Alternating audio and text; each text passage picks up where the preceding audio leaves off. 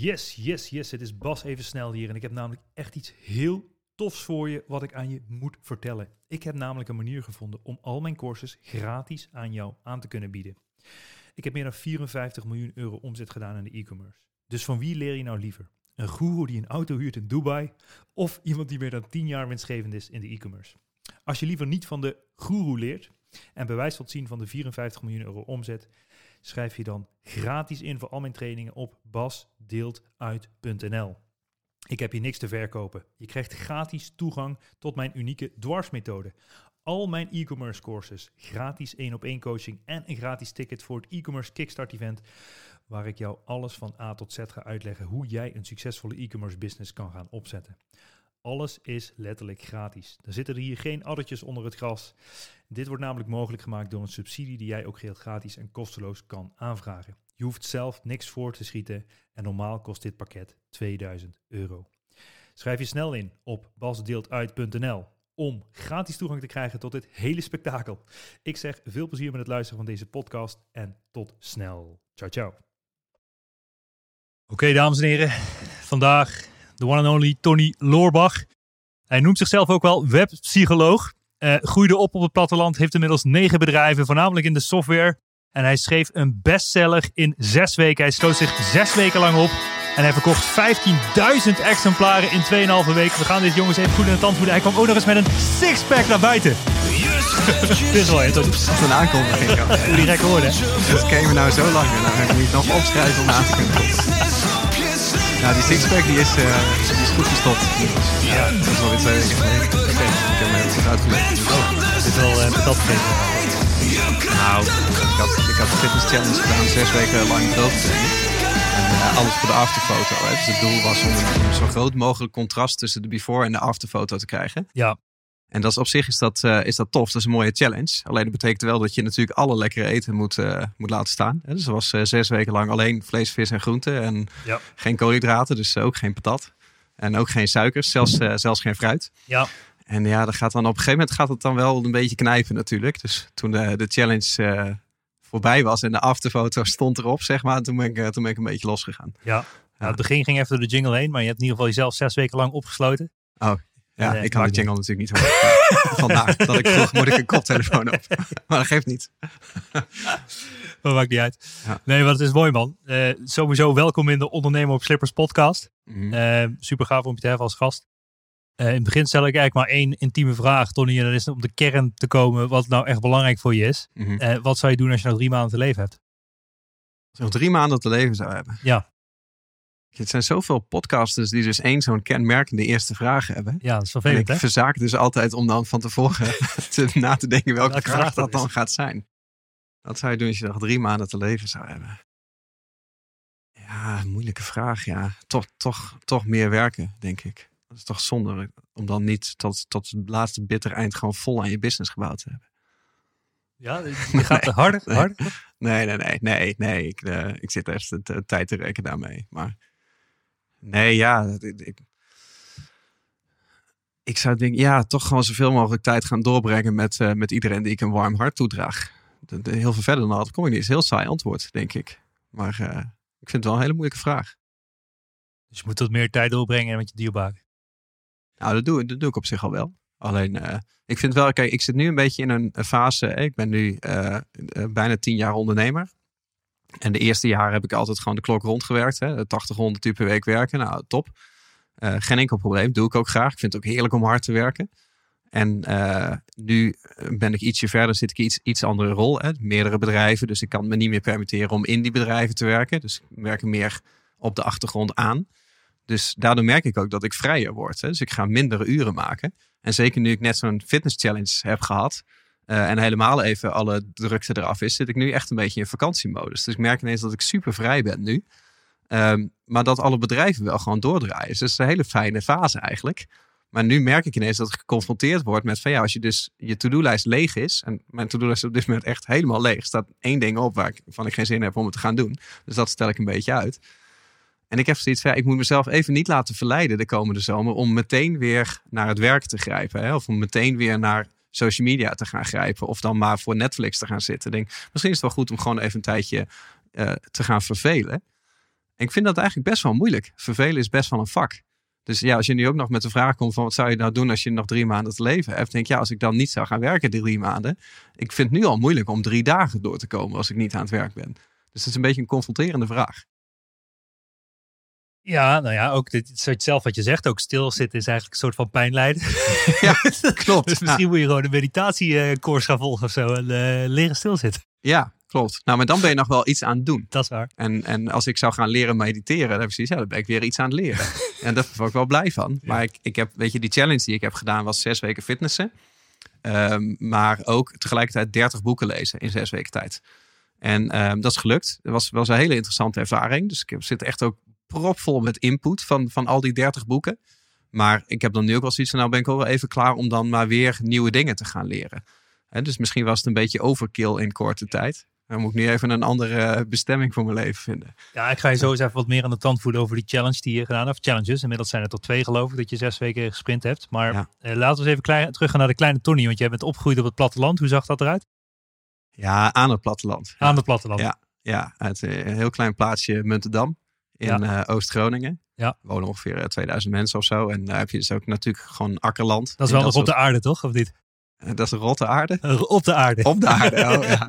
Dat is nog op de aarde. Ja, ja is op de rand is ja, het. Ja, ja. Maar uh, nee, wij woonden aan de rand van een, uh, van een akkerland. Hè? Dus mijn vader had een hele grote tuin. En, uh, en dan aan het einde van die tuin kon je dan zo het, het maisveld inlopen. Dus bijna, bijna als op het platteland, ja. Ja. Wat wil je nog meer weten? Ja, wat, wat deed je daar allemaal? Ik bedoel, je, bent, je hebt je daar je basisschool, middelbare school gedaan. je hebt twee broertjes. Ik heb uh, vier broers en vier... één zus. Ja, zoveel ja. zelfs? Ja, we zijn met z'n zessen. En jij bent de? De vierde. Ja. Dat is wel bof, of niet? Nou, um, ja, ik zit, kijk, ik heb dus net die 30 boeken gelezen. Dus ik zit meteen, want ik heb ook een heel stuk gelezen over, zeg maar, hoeveelste kind, zeg maar, welke karaktereigenschappen heeft. Dus ik merk dat ik nu meteen al uh, daarover nadenk van, wat is dan kenmerkend voor het vierde kind? En uh, weet je, ik, ik heb dat in, in ons gezin ook wel. Ik las dat toevallig in een boek dat en je merkt dan vaak, je hebt dan het eerste kind, dat is dan vaak het, het ideaalbeeld van de ouders. Hè, die gaat in dezelfde lijn. En dan het tweede kind wordt vaak de rebel. Hè, dat wordt dan het tegenovergestelde van het eerste kind. En er stond iets in over het vierde kind. Zoek naar een eigen positionering binnen het gezin. Dus als je bijvoorbeeld niet meer de, snel, de slimste kan zijn, of uh, niet meer de meest rebelse, of nou, hè, het derde kind bij ons was dan een meisje, dus ik kon ook al niet meer het meisje zijn. Gelukkig uh, hoefde ik daar niet toe te, toe te grijpen. Maar het, als, dat stond in het vierde kind zoekt het vaak in bijvoorbeeld in cabaret. Of, of in het artiest zijn, hè, in de creatie. En het schijnt dus ook dat heel veel bekende cabaretiers zijn dus heel vaak derde of vierde kind. Hè, omdat ze gezocht hebben naar een unieke positionering in, in de familie. Dus dat is een beetje een raar verhaal misschien. Maar ja, ja, ja. dat is voor mij ook wel kenmerkend, denk ik, dat ik um, als klein jongetje was ik gewoon een beetje artiest. Dus ik was altijd mensen aan het imiteren. Uh, als de hele familie met z'n achter rondom de keukentafel zat, dan iedereen zat op een stoel, maar ik stond altijd op de stoel. En ik was altijd aan het, aan het performen. En wat deed je dat? Ja, dan ging ik gewoon mensen nadoen. Ging ik uh, Bassie en Adriaan nadoen of zo. Of uh, iemand anders die ik op televisie had gezet. Of uh, cabaretiers imiteren. En grappen navertellen. En wat zijn de meest hilarische die je hebt daar gedaan? Dat, ja, ik ben wel benieuwd hoe dat doet. Ja, ik kan het niet zo goed meer, ja. Nee, dat, dat, dat Bastien Adriaan imiteren, dat was meer gewoon alleen inhoudelijk. Niet per se als een typetje. Ik vooral die baron die doe ik altijd daar. Die zegt altijd, baas, baas, de ja, boeven komen eraan. Dat zou heel raar zijn als de baas dat zou zeggen. Ja, dat de baron was de baas. Ja. Dus, Oké, okay, maar goed. Ja. Dat uh, leg ik je nog wel een keer uit nee, dat. Nee, uh, maar ook uh, Coat en de Bie, veel nagedaan. Hè? Dus de, de vieze man en, en dat soort dingen. Dus, maar altijd, altijd wel een beetje zoekende naar een poging tot humor. En, uh, en een beetje artiest zijn. En ik heb daar eigenlijk nooit zo bij stilgestaan. Totdat ik dat bijvoorbeeld las. Dat ik dacht van ja, nu heb ik een, een business. En, uh, en sta ik veel op het podium. Uh, te, te, te praten over online marketing. Dus ik heb geen cabaret show. Ik doe ook geen imitaties. daar ben ik iets te, iets te braaf voor geworden, denk ik. Ja. Maar ik sta wel natuurlijk te presenteren. en, ik, en ik creëer. Hè? Dus ik schrijf boeken en ik schrijf blogs. En ik maak video's en podcasts dus blijkbaar. Ja. dus dat zit er wel een beetje in. Vet. En dat ja. is dus ontstaan toen je klein kind was aan de keukentafel al een beetje stond te performen uh, tegenover je familie. Toen je mensen na zat te doen. Klopt, ja. ja. Uh, en en uh, want, want waar ben je uiteindelijk gaan studeren en wat? commerciële economie in Groningen. Okay. Ja, ja, per ongeluk eigenlijk. Het is wel lastig stad om te studeren, toch? Ik heb begrepen dat in Groningen de, de, de meeste one-night stands van Nederland plaatsvinden. ja, klopt, ja. Maar niet expres. We zijn gewoon heel slecht in het vasthouden van iemand. Nou, misschien zijn we gewoon allemaal niet zo goed in bed. Dat zou het ook kunnen zijn. Oh. Dat het meestal bij één keer blijft. Ja. Maar ehm, nee, uh, ja, ik weet niet of, het, of, of, ik kan zeggen dat je er goed kan studeren. Ik heb niet zo heel veel gestudeerd. Um, in de zin van, ik ben niet heel veel in collegezalen geweest. En uh, ik heb niet heel veel boeken open gehad. Um, ik heb wel het uitgaansleven goed verkend. Maar uh, nee, ik, ik wist toen ik, ik heb het VWO gedaan. En einde VWO 6, ik had gewoon geen idee wat ik, wat ik wilde gaan doen. En uh, ik wist wel dat het, dat het waarschijnlijk iets commercieels zou zijn of iets met marketing. Um, en toen kwam op een gegeven moment kwam mijn moeder ermee en die zei van ja, commerciële economie, is dat niet iets voor jou? En had ze een volletje meegenomen. En uh, ik keek daarna en dacht, hé, hey, dit is interessant. Als je VWO hebt gedaan, dan mag je commerciële economie in het tweede jaar beginnen. Mag het hele eerste jaar overslaan. En dan kan je in drie jaar kan je, je bachelor halen. En dan kan je in een schakeljaar, kan je in één jaar alsnog je master. Dus dan heb je in vier jaar je master. Net zoals op de universiteit. Maar dan kan je de eerste drie jaar kan je op hbo-niveau doen. Dus dat, dat trok mij over de, over de streep om dat dan te gaan doen. Ehm, maar ik had eigenlijk helemaal geen idee van wat commerciële economie inhoudt, uh, inhield. En uh, dat toen gaan doen en, en door commerciële economie uh, uiteindelijk in online marketing terechtgekomen. En nou, de rest is geschiedenis. Ja. Oké, maar dus je bent door die studie heen gewandeld eigenlijk. Het was allemaal een beetje afvinken en gewoon het, het, minimale doen om er doorheen te komen? Of hoe, was je, wat voor student was je? Ja, niet heel ijverig, nee. Nee, nee. nee. Oh, maar ook geen, geen uitmuntende student hoor. Echt zesjes cultuur. Ja. En liever een 5,5 dan een 6, zeg maar. Want afvinken. Je hebt weer te veel gedaan. Ja. En had ik op de middelbare school had ik dat ook al. Hè? Dus, dus, dus veel spijbelen, VWO 4, 5 en, en 6. Ja. Ik weet niet, ik, had, ik, ik ben nooit een heel schoolstype geweest. Ik kan niet zo heel goed tegen als ik verplicht ergens moet zijn of iets moet doen van iemand anders waar ik op dat moment niet zo'n behoefte aan heb. Het is een beetje een autoriteitsprobleem. Ja, ja, ja. En misschien dat ik daarom ook uiteindelijk wel ondernemer ben geworden. Ja, en wanneer merkte je dan in dat proces, wanneer je echt een beetje die ondernemerskills uit jezelf aan het aantrekken was? Ik bedoel, hoe zagen die eerste ondernemingen van je eruit? En, uh, of zijn het nog steeds die huidige ondernemingen? Of heb je er 26 versleten voordat je succesvol was? Nee, ik heb, het is heel uh, jammer. Maar ik heb dus nog nooit een bedrijf gehad wat ik nu niet meer heb. Uh, of tenminste, ja, ik ga nu voor het eerst aan, aandelen verkopen in een van de participaties. Dat zijn niet echt one-night stands dan als Groningen. Nee, nee, maar ik zou ook niet dat ik goed was in one-night stands. Nee, precies. ik doe de podcast ook altijd slippertjes, dus dat was al uh, mooi bij het verhaal. Ja, moet je wel in staat zijn om ze te krijgen. maar kan je wel type voor zijn, maar ja. alsnog twee mensen nodig. Ja, precies. Nee, nee uh, ik, heb, ik heb dat niet uh, gehad. Ik heb ook niet uh, een spannend ondernemersverhaal van dat ik vroeger al Ranja stond te verkopen of zo. Um, wat ik wel gedaan heb, en dat heeft me wel gevormd, dat um, uh, ik had een oom en die, uh, die was wel heel ondernemend. Die had op een gegeven moment had hij een, uh, een, een, nieuwe business gestart. Dat heette de Jumping Balloon. En wat hij had gedaan was een hele grote heliumballon van, van 7 meter diameter van PVC. Die had hij dan had hij uit Amerika gehaald. En die kon je dan vullen met, met helium. Hè? Vandaar de heliumballon. En um, daar kon je dan onder hangen, net als onder een parachute. dus je had een parachuteharnas aan en dan hing je onder een grote heliumballon. Nou, en als je helium loslaat, dan gaat het omhoog. Dus uh, daar zaten dan twee lange touwen aan van 50 meter. En die hielden ik en mijn broer hielden dat touw dan vast. En als wij dat touw dan loslieten, dan sprong je zeg maar 50 meter omhoog. En dan was je gewichtloos. Super cool. En wat wij dan deden, is dan, dan wogen een beetje zo'n ballon af. Hè? Dus als een ballon 180 kilo kan trekken. En jij weegt bijvoorbeeld, uh, nou wat weeg je, 70, 80 kilo. Dan hangen wij er 100 kilo bij aan en dan zou je in principe gewichtloos zijn. Oh ja, ja, ja. ja. En als wij je dan omhoog halen, dan op een gegeven moment zit je aan de maximale touw, 50 meter. En dan trekken wij je weer naar binnen en dan, laten we weer opstijgen. En dat was een outdoor event. En uh, dat werd heel veel ingehuurd door grote partijen. Hè? Dus door Interpolis deed een promotietour langs de stranden. Nou hadden wij een hele grote ballon met, met Interpolis glashelder erop. En uh, uh, Douwe Egberts lanceerde bijvoorbeeld een nieuw drankje. En nou, gingen ze dan door alle grote steden in Nederland in de zomer. Hadden wij dan een hele grote ballon in de vorm van een cappuccino glas hè, van Douwe Egberts. En wij hoefden dan in principe alleen maar uh, gezien te worden. En mensen onder die ballon heen en weer te laten gaan.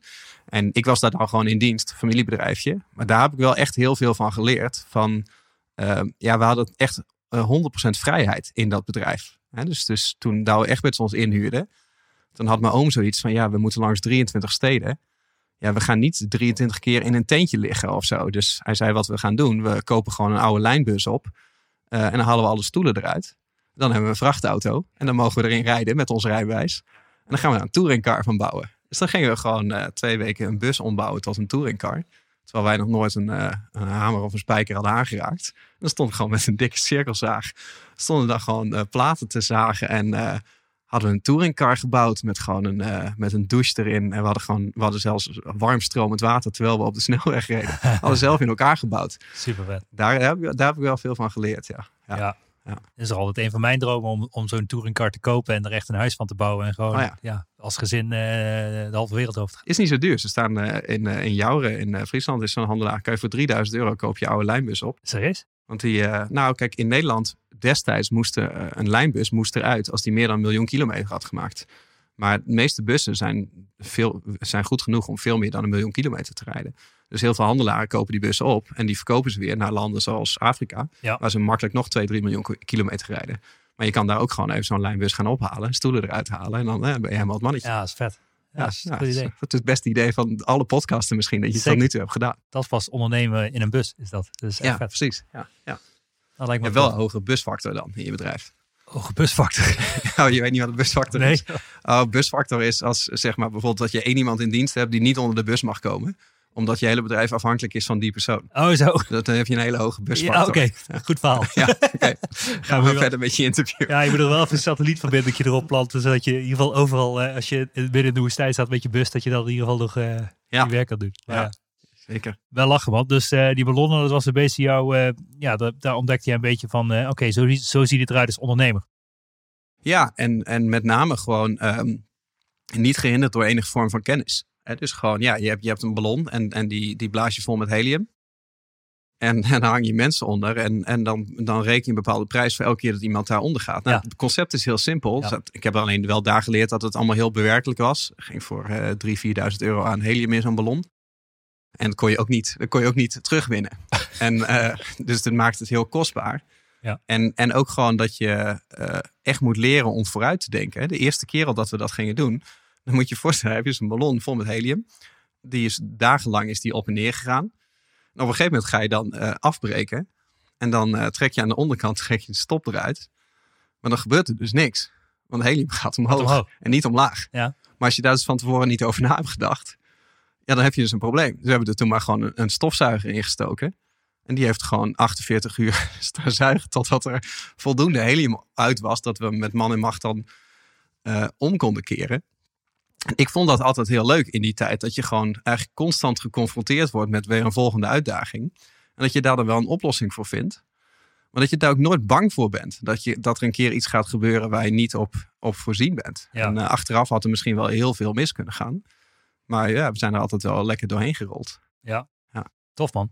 En eh, van, na dat avontuur, eh, wanneer, wanneer begon je eerste business dan? Of hoe, ja, hoe zag dat eruit? Ja, veel, veel later. Dit was echt in eh 2004, 2005. Ja. Dus toen was ik 16. Ja.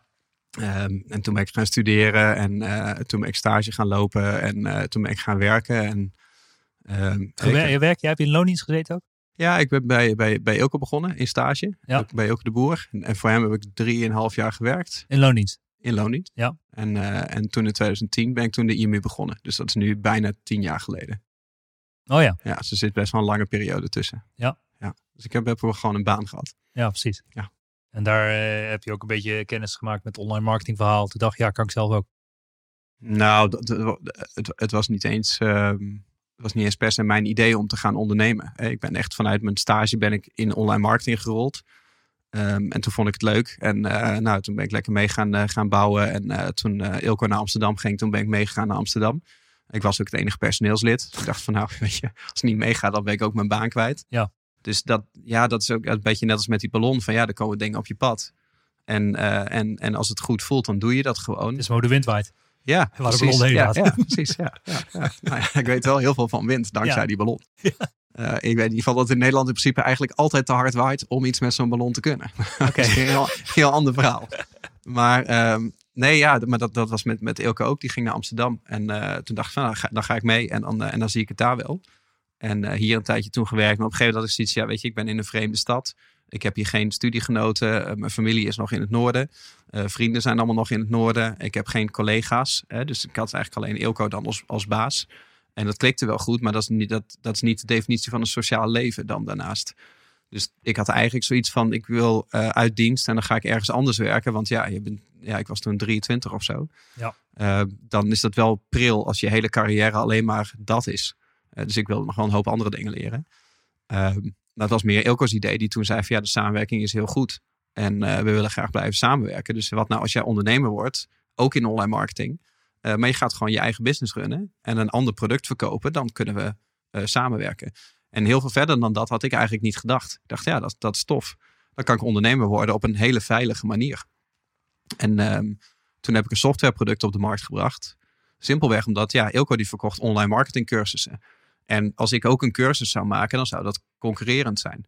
Um, en ik merkte dat heel veel mensen, zeker in die tijd, in 2010, ja, toen was online marketing nog heel erg nieuw. Hè, dat, eh, dat als je mensen tips gaf over hoe je hoger in Google kon komen bijvoorbeeld. Dan was gewoon, ja, 9 op de 10 mensen vroeg van ja, heel tof, maar uh, hoe doen we dat dan? En um, ik had toen zoiets van ja, als ik een softwareproduct op de markt zou brengen, dus gewoon een website systeem, waarmee je precies die tips ook kan uitvoeren, dan is dat een heel mooi aanvullend product. Hè? Dan, dan, dan geven mensen aan van nou, je moet uh, deze 10 dingen doen om hoger in Google te komen. Dus bijvoorbeeld uh, je moet uh, interne links op je website zetten en dat moet je automatiseren, bijvoorbeeld. Nou, de meeste mensen hebben zoiets, nou, goed idee, maar ik heb daar de techniek niet voor. Maar als wij dan een stuk software hebben waar we zeggen daarin is het geautomatiseerd, dan sluit het één op één aan. En zouden we dat met alle technieken, met uh, opt-in formulieren en uh, sales page templates en funnel templates en uh, aftellers en social media implementaties. En dat sloot gewoon perfect aan. Dus dat ben ik toen gaan verkopen, omdat er toen op dat moment heel veel vraag naar was. En was gewoon 1 en 1 is 2. Uh, ja, en nu zijn we tien jaar later en nu heb ik een aantal softwarebedrijven. Maar ik kan geen letter programmeren. Dus nee. het is eigenlijk heel raar dat me dat is overkomen. Maar ja, dat kwam op mijn pad en dat heb ik aangegrepen. Ja, dus eigenlijk was je een soort van ondernemer in loondienst dan in die eerste fase? Hoe kan ik het zien? Of, of was het een beetje 50? Uh, nee, het was gewoon 50-50. Dus het was gewoon uh, samen een BV. Ja. Alleen um, uh, ik runde het dan zeg maar als mijn bedrijf. Hè, dus ik maakte er mijn ding van. En ja. Ilko had daar aandelen in. En Ilko zorgde dan voor klandizie. Hè, dus, oh ja. dus Ilko promoten mee. Precies. En dus we runden het wel samen. Maar naar de buitenwereld was het gewoon mijn, mijn bedrijf. Ja. Um, en hoe, hoe, heet, hoe heet het nog steeds dan? Hoe heet het? Hoe heette het toen? Uh, Internet Marketing Universiteit. Oh, ook al, nog steeds. Ja, ja. Nou, nu heet het Internet Marketing Unie. Ja. We hebben het ietsje oh, ja. ingekort. Okay. Hè, want nu is het niet zo lang meer. Ja, uh, ja nee, nu is het meer imu.nl. Ja. Dat, is, dat is eigenlijk fijner. Ja. Ik heb toen Internet Marketing Universiteit gekozen. Omdat ja, tussen het, het moment dat we besloten om een bedrijf te starten... en het moment van de eerste lancering zat drie weken. Ja. Dus ja, je moet heel snel een naam hebben. Precies. En toen had ik zoiets van ja, Internet Marketing Universiteit hadden we al, die domeinnaam. En ik dacht, dat is tof, daar zit het woord internetmarketing in. Dus als ik dat ga doen, dan, dan hou ik het ook bij internetmarketing. Ja. En ik wilde heel graag op nummer 1 in Google komen op het woord internetmarketing. Dus dat moest voor mij toen in de domeinnaam zitten. Ja. En ik ben toen winstmodel.nl gestart als product.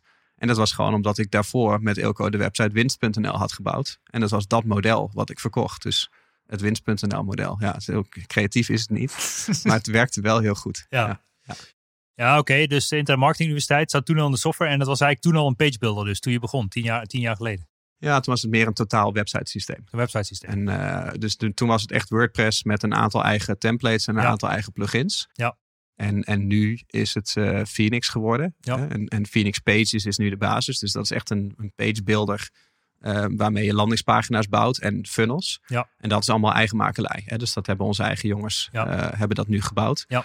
En WordPress zit er nu nog voor een heel kleine millimeter in. En dat proberen we er nog, nog angstvallig uit te snijden. Zeg Precies. maar. Ja. Maar wel tof. En um, nou ja, dan heb je die, die, die page builder. Ik ben ook wel benieuwd naar het verdienmodel toen der tijd en hoe dat gaandeweg is veranderd. Want Mhm. mm -hmm. ja, dat is natuurlijk, ja, je gaat dan bedenken, ik heb hier een stukje software. Wat ga ik hiervoor vragen? Hoe ga ik dat aanpakken? En hoe vuitigt dat op de long term uit? Ja. Uh, hoe begon je daarmee dan? Met, met, ja, met het, met, wat was het verdienmodel in het begin? Uh, um, ja, heel simpel. Gewoon eenmalig. Ja. Dus, dus het was gewoon een totaalpakket van als je het winstmodel koopt. Het was toen uh, 2.500 euro volgens mij. Soms 2, soms 2,5, soms 3. Ligt een beetje aan welk Hoeveel geld je hebt. ja, precies. Ja.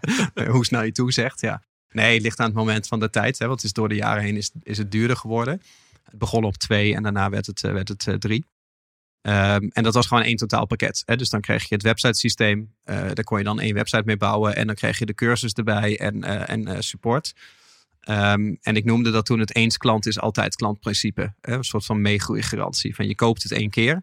En dan blijf je tot einde der dagen blijf je updates krijgen van wat wij aan het systeem ontwikkelen. En je hebt gewoon altijd support. En dat maakt het tot een hele goede deal. Zeker voor de mensen die toen zijn ingestapt. En dat zorgde voor mij voor heel veel cashflow vooraf. Um, omdat um, ja, je dus eigenlijk vooraf betaalt en, en pas op de lange termijn uh, heel veel updates en heel veel support en zo gaat krijgen. Uh, in principe werkt dat heel goed om je business te kickstarten. Um, totdat op een gegeven moment je bedrijf dusdanig groot wordt dat het, dat het ballast wordt. Hè? Want het is toch een beetje het is toch een beetje een gat voor jezelf graven waar je op een gegeven moment niet meer uitkomt. Nee, dan heb je 3000 klanten gemaakt, heb je veel geld verdiend en misschien wel verbrand. En als je geen nieuwe klanten maakt, dan heb je geen geld meer. Ja, en, en, en daar hoef je niet een uitbundige levensstijl voor te hebben om dat geld te verbranden. Want het is niet dat ik geld over de balk heb gesmeten. Maar ja, ik heb ook personeel gehad en ik heb ook uh, huur gehad en ook uh, serverkosten en ontwikkelkosten en, uh, en, en marketingkosten. En het is verbazend hoe duur een bedrijf kan zijn. Zeker als er zoveel klanten in zitten. En um, dat, dat is een hele tijd goed gegaan, eigenlijk tot aan nou, 2000, 2014, 2015. Toen merkten we op een gegeven moment kwamen we met een nieuwe versie van de software. Toen werd het winstmodel, stopten we mee en werd het Phoenix. En dat was ook voor het eerst dat klanten echt moesten overstappen van een oud systeem naar een nieuw systeem. Omdat we zoiets hadden van um, het oude systeem is gewoon de rek is eruit. Hè? Dus we kunnen niet meer het updaten. Uh, we hebben gewoon echt iets nieuws moeten bouwen waar we de komende jaren op verder kunnen. Maar dat betekent, ja, we hadden op dat moment meer dan duizend klanten. Uh, die moesten dus allemaal overstappen van het ene systeem op het andere systeem. En um, wij hadden het best wel opgebouwd, uh, waardoor iedereen er ook echt op zat te wachten. Dus toen wij live gingen met Phoenix, toen waren er iets van 600 gebruikers in de eerste week al die een upgrade aanvroegen. Ja, die moesten dus allemaal geïmporteerd worden uh, in een systeem wat ook net iets anders werkte dan het andere systeem. En daar krijg je een, een, een, een fenomeen. En uh, ik heb er laatst over gelezen van een, een Harvard-professor die, die schreef: als het over software gaat, dan zie je dat uh, softwareontwikkelaars op irrationele wijze de nieuwe versie van hun product overwaarderen. En softwaregebruikers op irrationele wijze de oude versie van de software overwaarderen. Mm. Oftewel, oude gebruikers willen graag dat het zo blijft zoals dat het is. Mm. En elke pixel die verschuift, dat is er eigenlijk eentje te veel. Mm. Dus iedereen wil wel iets beters, maar niemand wil dat het verandert. En een softwareontwikkelaar wil ju juist graag dat het, dat het verandert. En uh, ik merkte van dat lag heel erg uit elkaar. En er zaten ook wel wat kinderziektes in natuurlijk. Dus dat legt onze hele organisatie plat. Uh, qua, qua support en ontwikkeling. Um, waardoor we dus gewoon ineens duizend klanten hadden. die ooit al iets hadden betaald. en die nu niks meer betaalden. Dus er kwam, we zaten helemaal vol en we verdienden geen eurocent. En tegelijkertijd ging ik met Phoenix de markt op. En toen merkte ik ineens dat we een hele grote achterban hadden. die het winstmodel heel goed kende. maar die kende Phoenix niet. En dan zie je ineens dat mensen over het algemeen niet zo houden van nieuwe software. Mensen houden wel van verbeterde software, ja. maar niet van nieuwe. Dus bijna niemand koopt een nieuw, een nieuw softwareproduct als allereerste. Mm -hmm. Want iedereen is bang dat er kinderziektes in zitten. Wat ook vrij terechte angst was destijds. Dus ja, dan heb je dus twee problemen. Enerzijds droog je inkomsten op. En anderzijds zit je bedrijf helemaal vast met bestaande klanten. Ja. Die dus geen eurocent meer betalen. En, uh, en, en dat is het moment dat je realiseert dat het misschien niet zo'n goed verdienmodel was achteraf. En uh, wat, wat doet het mentaal in zo'n fase dan? Nou, in eerste instantie uh, um, is, het, is het frustrerend dat je weet van. Want het niet alleen je business zit klem, maar waarschijnlijk jezelf ook een beetje. ja, klopt. klopt. Nou, met name jezelf. Ja. Uh, ikzelf. Um, ik heb van Albert altijd geleerd. Albert Zonneveld zegt als je je zegt, dan uh, durf je het eigenlijk niet op jezelf te betrekken. Hè? Dus je zegt van je betrekt het op jezelf. Dan is het eigenlijk te spannend om te zeggen van mm -hmm. ik betrek het op ik. Mm -hmm. Maar ik, ik vond dat wel moeilijk toen. Want Kijk, ik had zoiets van hele toffe software. Ik zag de mogelijkheden. En dan wil je eigenlijk niet geconfronteerd worden met de dingen die nog niet ideaal werken. dus dat is al frustrerend. Van lichaam is trager dan de geest. Je geest is al bij waar het zou moeten zijn, maar het lichaam is er nog niet. Mm -hmm. um, dat is frustrerend. En tegelijkertijd zie je natuurlijk ook van hé, hey, er komen geen inkomsten binnen. En uh, de eerste paar maanden is dat niet zo erg. Hè? Want je hebt nog wel buffers en denk nou, hebben we we hebben het altijd wel opgelost. Dus ik, ik vind er deze keer ook wel wat op. Maar als dat maar lang genoeg duurt, ja, op een gegeven moment maakt we 40.000 euro kosten per maand en 0 euro inkomsten. En dat gaat wel snel met, met de buffer. Dus, dus ik kon wel stoppen met mezelf salaris te betalen. Um, en ik had ook wel een, een, een spaarpotje van destijds ongeveer een kwart miljoen wat ik in mijn holding had.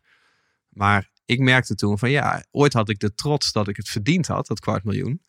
Of dat ik het gespaard had. En nu heb ik alleen maar de angst dat ik het kwijtraak. Mm -hmm.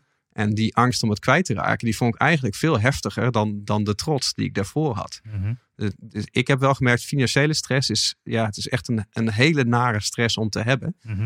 Um, en je komt er ook gewoon bijna niet uit. Hè? Ik heb zo vaak uh, nachtenlang uh, dat ik gewoon uh, uit bed ging midden in de nacht.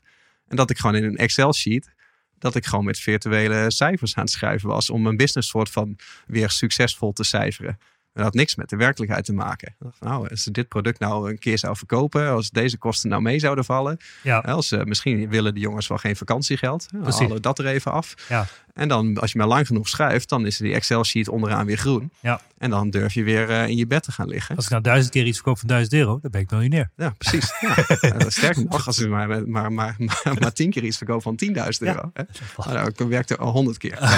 Kijk, hoofdrekenen is niet mijn sterke kant. Daar hebben we Excel-sheet voor nodig. Dat maakt niet uit, maar ja, het is ergens wel herkenbaar dat financiële stress misschien wel onderschat is voordat je erin zit, zeg maar. Hè? Dus dan denk, zeg je van tevoren, zeg je geld is niet zo belangrijk voor me en uh, ja, ik uh, kom er wel uit en wat is nou het ergste wat kan gebeuren, maar dan zit je er middenin. En dan word je dus wel midden in de nacht wakker en dan ga je doorrekenen hoe je eruit komt. Ja, dan wordt het, dan wordt het piekeren. En uh, kijk, ze zeggen wel, men leidt het meest van het lijden dat hij vreest. En dat heb ik toen ook wel gemerkt. Van, denk, het ene moment was ik aan het fantaseren van nou, stel nou dat dit straks mee zit qua omzet, dan valt dit misschien ook wel mee. Dan vallen die kosten misschien wel een beetje mee. En dan kwam van het een het ander. En in mijn hoofd was ik, was, ik, was ik er weer helemaal. En dan was ik helemaal blij. Maar er was feitelijk niks aan de situatie veranderd. Dat is allemaal fantasie. En het andere moment, meestal als ik ging liggen, ik merkte dat als, als ik horizontaal ging denken, liggende in bed, dan ging ik piekeren. En als ik rechtop ging staan, dan ging ik fantaseren. Heel apart. Een soort van schakelaar. Ja, dus dan denk ik, ja, maar dan, kan je, dan doe je dus geen oog dicht. Als je dus, maar um, heel veel mensen hebben dat hoor. Als, ze, als, ze, als je in bed ligt, dan ga je piekeren, dan ga je malen. En piekeren is ook fantaseren, maar de verkeerde kant op. Dus je hebt zoiets van, nou, als dit nou tegen zit, of dat zit ook nog eens tegen. Stel nou dat er ineens een onverwachte rekening van de Belastingdienst komt. Stel nou dat uh, een van mijn grootste klanten ja. ook nog eens zijn geld terugvraagt. En wat ja. was dit en dat. En dan merk je ineens dat je wel in staat bent om alle uh, kosten nog te verzinnen. Maar je bent niet meer in staat om ook nog rekening te houden met wat je gemiddeld gezien per maand ja. nog binnenkrijgt. En, ja, en dan, dan, dan fantaseer je jezelf naar een faillissement. Maar beide hebben natuurlijk niks te maken met de werkelijkheid. Dus, dus het lijden zit hem niet in, in de werkelijkheid. Het Nee. lijden zit hem in het lijden wat je vreest. En die angst om failliet te gaan, of uiteindelijk, nou ja, misschien wel in je eigen ogen, of ja, misschien wel te falen of zo, die, over, die overheerst in zo'n fase. En dat, en dat doet dan het meeste pijn. Ja. Dat hoeft niet de werkelijkheid te zijn, maar je fantaseert dat het fout kan gaan en dat je failliet gaat. Een soort van Pac-Man, zeg maar. Die Ja, tegen jezelf klopt. zegt, Ja. kan fout gaat, gaat failliet, ben je, dan heb je gefaald. Nou, en, en ook eh, dat, je, dat je vastzit. Hè? Dus, dus ehm, ik had niet het idee dat ik een keuzemogelijkheid had. Kijk, eh, ik had natuurlijk ook gewoon kunnen. Op een gegeven moment stond ik voor de beslissing van wat ga je doen? Hè? Ga je nu gewoon het bedrijf failliet laten gaan?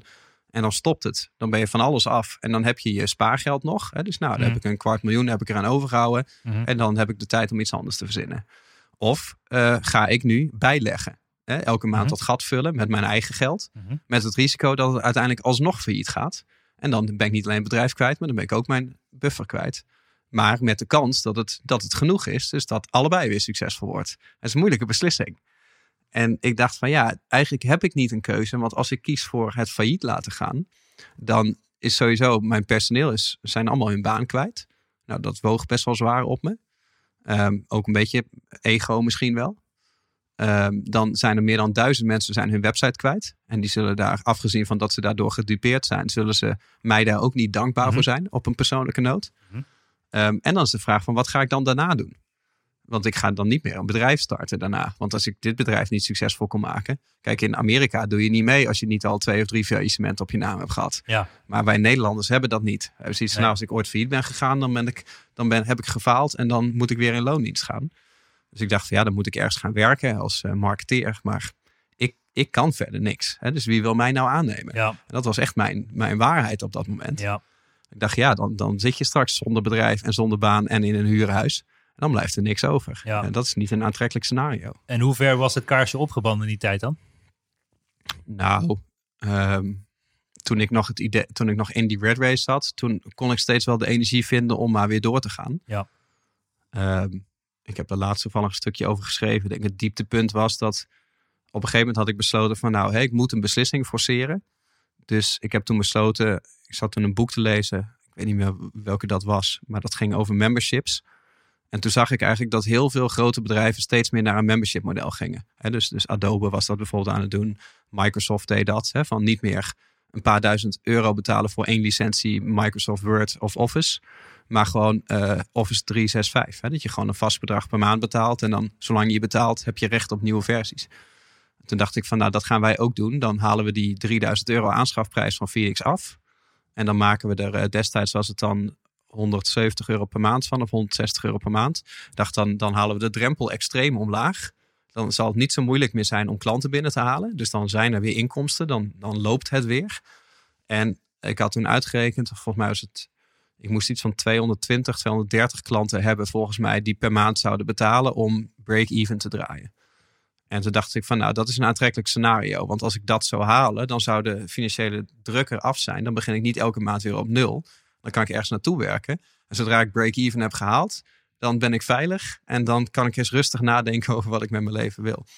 Dus ik heb toen, dat heb ik toen besloten. Toen ben ik een webinar gaan doen. Ik dacht nou, één webinar plannen. Ga ik voor het eerst mijn verhaal vertellen uur lang online marketing tips geven. En dan uh, het, de software aanbieden voor een membership niveau.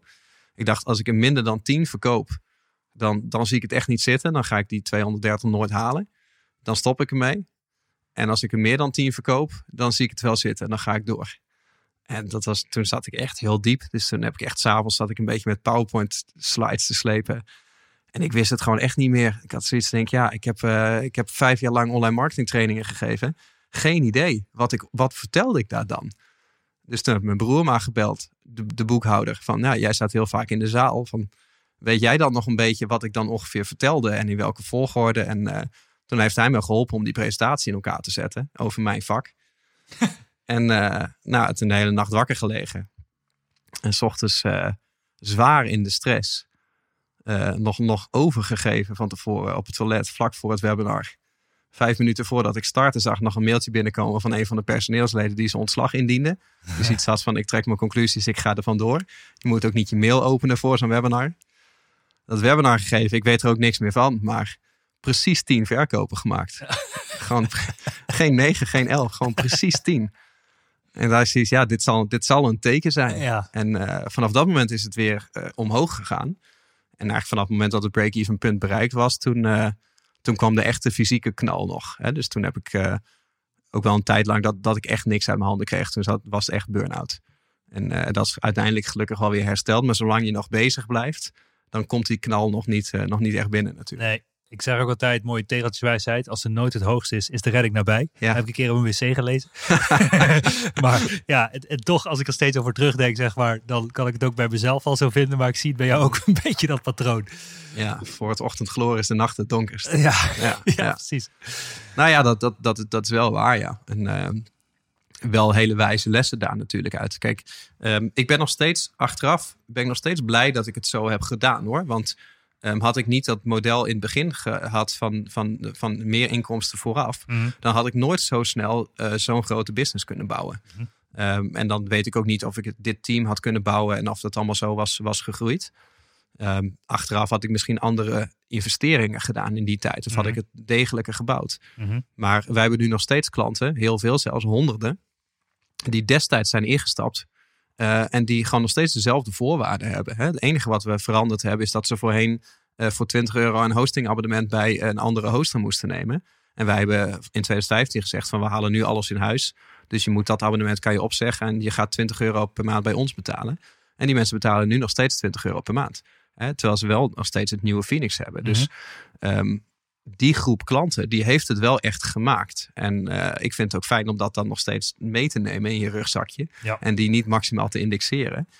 Um, omdat je gewoon weet van ja, daar ligt de kern van mijn succes. Maar ja. het heeft me ook wel heel veel dingen laten inzien over dat er een heel groot verschil is tussen een succesvol bedrijf en een winstgevende onderneming. Ja. He, want dat weet jij ook, uh, hoeveel je kan verdienen nu als online marketeer met webinars geven en cursussen verkopen. Het is mooi dat het veel geld oplevert. Maar als de CEO van een bedrijf handmatig elke klant naar binnen moet pitchen.